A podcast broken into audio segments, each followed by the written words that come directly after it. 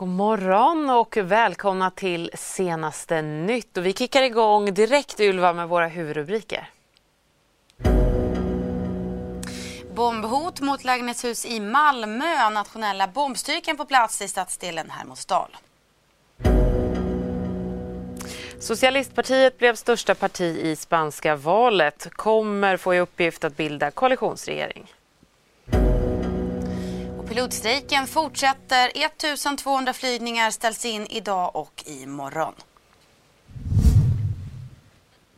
Mm, men vi börjar alltså med nyheten om det här bombhotet. Eh, polisen har hittat sprängmedel i ett trapphus till ett flerfamiljshus i Malmö. Mm, polisen larmades till det här flerfamiljshuset i Hermodsdal i Malmö vid tretiden i natt efter att en smäll hade hörts. Och enligt polisen ska någon då ha krossat en ruta till entrén i fastigheten och placerat det här misstänkta föremålet i trappuppgången. Nationella bombskyddet samt polisens kriminaltekniker befinner sig vid den här fastigheten just nu för att eh, undersöka det här föremålet och har också spärrat av området. Mm, och vi fortsätter att bevaka det här under morgonen. Följ med oss alltså här vidare i senaste nytt. Så byter vi ämne. Socialistpartiet tar alltså hem segern i det spanska parlamentsvalet och kommer få i uppdrag att bilda en koalitionsregering. Vår systerkanal CNNs Vera Catano rapporterar.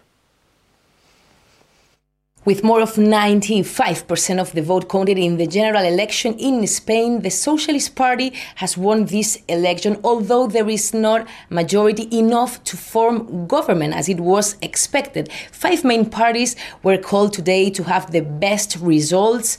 There were the People's Party, the Socialists, also Unidas Podemos, Citizens, and Vox, this far right party which appeared in 2013 and which finally got a little bit more of 20 seats in parliament, which is an important result, but not as big as expected. We have to remember that this party got a parliamentary representation for the first time in December 2018. But as we are saying, the socialists won this election. Now there will be necessary to have pacts, to have coalitions with other parties because they need to have the support of at least 176 deputies from parliament out of a total of 350. So the most uh, probably will be that the socialists have a coalition maybe with Unidas Podemos, but they still need more support. So maybe smaller parties will be needed to form this government. We have to remember that this was a snap election that was called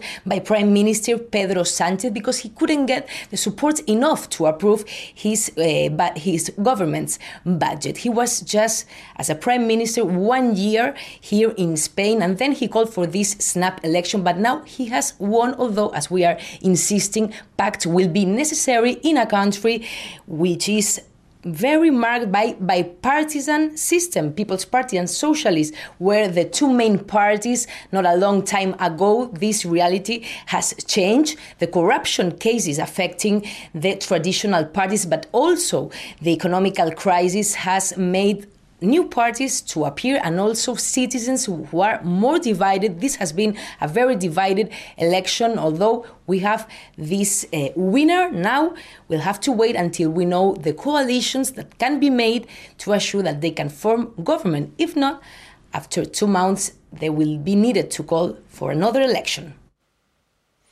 Mm, Socialistpartiet eh, störst alltså. Så här kommenterar Expressens utrikesredaktör Mats Larsson resultatet. Eh, det blir Pedro Sánchez som eh, får den första chansen att eh, bilda regering. Än är det dock för tidigt att säga om han har underlaget. Eh, han kommer ju att antagligen bilda regering med Podemos som är det populistiska vänsterpartiet men det är tveksamt om de två tillsammans har tillräckligt för att få en majoritet. Hittills har han styrt med bland annat stöd också från de nationalistiska partierna i eh, Katalonien och i Baskien. Det är väl möjligt att det kommer att fortsätta att se ut så. Men eh, detta är nu bara en vallokalsundersökning och den hade rätt fel för eh, tre år sedan. Då överskattade den bland annat på Demos röster så att det, det är för tidigt att säga något. Eh, det är ett historiskt eh, valresultat så tillvida att vi för första gången också har ett högernationalistiskt parti, Vox, som har tagit sig in och överträffat även mätningarna vad det verkar. De låg kring 10 procent i de flesta mätningarna den första valkortsundersökningar så ligger de kring eh, 12 procent. Så att det kan bli en lång natt innan vi har något slutgiltigt resultat i det spanska valet. Den tredje gången på bara fyra år som spanjorerna har gått till valurnorna. Ja, och nu ska det handla om SAS-strejken som alltså är inne på sin fjärde dag och flygbolaget har valt att ställa in över 1200 avgångar idag och imorgon. Och Ylva, det här innebär att tiotusentals resenärer drabbas. Mm, och eh, pilotfackets eh, huvudkritik handlar bland annat om att SAS-piloterna får lägre löner och sämre arbetsvillkor vad gäller scheman jämfört med andra flygbolag. Men det här är något som Peter Hylding som är chef för SAS-piloterna inte håller med om det synes jeg ikke er rigtigt. Øh, for det første arbejder vi meget på, at, at piloterne har et schema, der fungerer med det liv, de har. Og vi har faktisk kørt et projekt det seneste år, hvor vi faktisk har tiltag, der gør det bedre for dem. Men har de inte någon poäng i den här kritiken, tycker du? Nej, det synes jeg egentlig ikke, de har. Altså, jeg er med på, at, øh, at deres udgangspunkt med at have øh, syv helger mellem weekendfri, øh, at det kan ske, men det er faktisk en teoretisk mulighed. Det sker så få gange. Og så når man snakker heldigledigt øh, for piloter, så starter det øh, klokken 4 eller klokken 5 om eftermiddagen fredag, og så øh, slutter det øh, mandag morgen. Så hvis man kommer senere hjem end det, så har man ikke, til, så har man ikke øh, fri i forhold til så en pilot vi øh, helg, men det, man har jo dybest set fri i helgen, og de er ikke regnet med i, i det her. Om vi ska prata om löneläget då, det har ju varit lite oenigheter om vad SAS-piloternas löner faktiskt ligger på, men ja. vad är din bild av det? Altså jeg synes, vi har en rigtig, rigtig god løn som piloter i SAS. Øh, og nogle af de krav, jeg har hørt, det forstår jeg slet ikke. Altså, vi er i Skandinavien, og det vigtige her, det er, at vi kan holde vores konkurrenceniveau, så vi kan konkurrere på markedet og være på markedet. Og det er vel den største udfordring, vi har ved at være i Skandinavien. Vi er et dyrt område, både i Danmark, Norge og Sverige, så vi skal bare være effektive.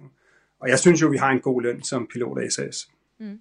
Men kan du hålla med om att SAS har en långsammare löneutveckling för sina piloter jämfört med andra bolag? Det är svårt att säga. Alltså, det kan på vem du jämför med. Vi har en, øh, en, øh, en startlön och en slutlön som är, som är konkurrencemässigt god. Vi kan ju se att vi kan rekrytera piloter med den startlön vi har. Och det är i alla fall inte toppen vi har utmaningar. Där har vi en, en hög slutlön i SAS. Ser du någon lösning nu närliggande framtid här? Jeg kan kun sige, at vi er klar til at forhandle, og vi vil meget gerne mødes med foreningerne og lave en aftale. Og vi har rigtig mange gode ting, vi også kan sætte i den aftale, så jeg forstår ikke, at vi ikke er enige. Och vi kommer naturligtvis eh, bevaka strejken här under dagen. Det gör vi. Nu dock ska det handla om världens samlade militära utgifter som förra året ökade med 2,6 procent och eh, är nu med sina 17 000 miljarder de högst sedda sedan kalla kriget. Det visar en rapport från forskningsinstitutet eh, Sipri. Mm. De ekonomiska sanktionerna mot Ryssland verkar ha fått genomslag på militärbudgeten där då landet inte längre är en av de fem länder som lägger mest pengar på militären. Där ser vi istället Kina, Saudiarabien, Indien och Frankrike och USA som ökar sin försvarsbudget för första gången på sju år. Mm, och med det tar vi oss vidare utrikes till Mosambik där man drabbats av omfattande översvämningar efter den senaste stormen Kennets framfart. Och eh, det var ju bara sex veckor efter att cyklonen Idai krävde över 600 dödsoffer som stormen Kenneth nådde land i torsdags. Hittills har fem personer omkommit i översvämningarna men dödstalet väntas stiga kraftigt. Ja, och och eh, hittills har ovädret förstört runt 3300 hem och tvingat 18 000 människor att ta skydd i nödbostäder. Och nu varnar också myndigheten för att nära 700 000 kan vara i riskzonen när vattennivåerna stiger i landet. Och det här är ju ett exempel på hur klimathotet har drabbat och börjat drabba de allra fattigaste delarna på vår jord. Eh, vi ska uppmärksamma nu en serie reportage eh, som vi på Expressen eh, har gjort där, som handlar just om hur klimatförändringarna slår mot de barn och unga som bor just på de fattigaste platserna på vår jord. Och fotografen Niklas Hammarström och reporter Magnus Falkehed har bland annat rapporterat tidigare ifrån Chad och Papua Nya Guinea och nu senast ifrån Haiti där många barn lever under fruktansvärda förhållanden. Att mam körde Manger.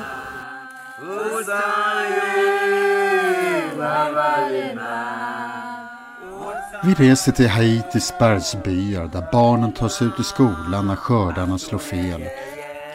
Haiti är det lilla landet i Karibien som har drabbats av jordens alla tänkbara plågor, allt ifrån jordbävningar till torka och vanstyre.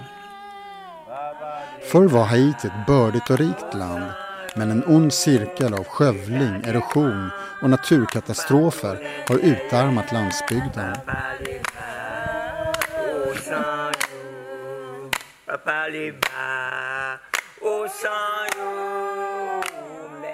François, mwen mrele François Lineta.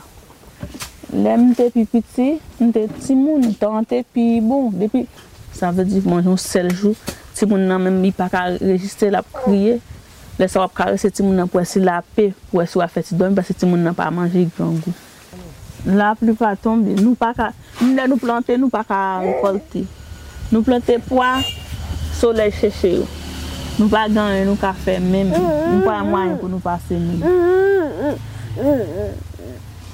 Sou te kon ti bet, i vin moun yi pa rapor, yi pa jwen zed pou yi manje, solei cheche yo.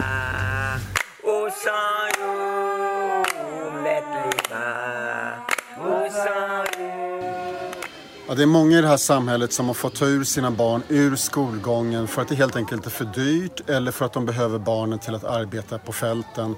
Och vi har fått tips om att här uppe så är det just en av de familjerna vars barn inte längre går i skolan nu. Så vi ska gå upp och se hur de har det. Je m'appelle Chinailov. Malak mam. m lave veso, m manje kaban, m bale, m m'm, manje tab, may nan dlo. Mousan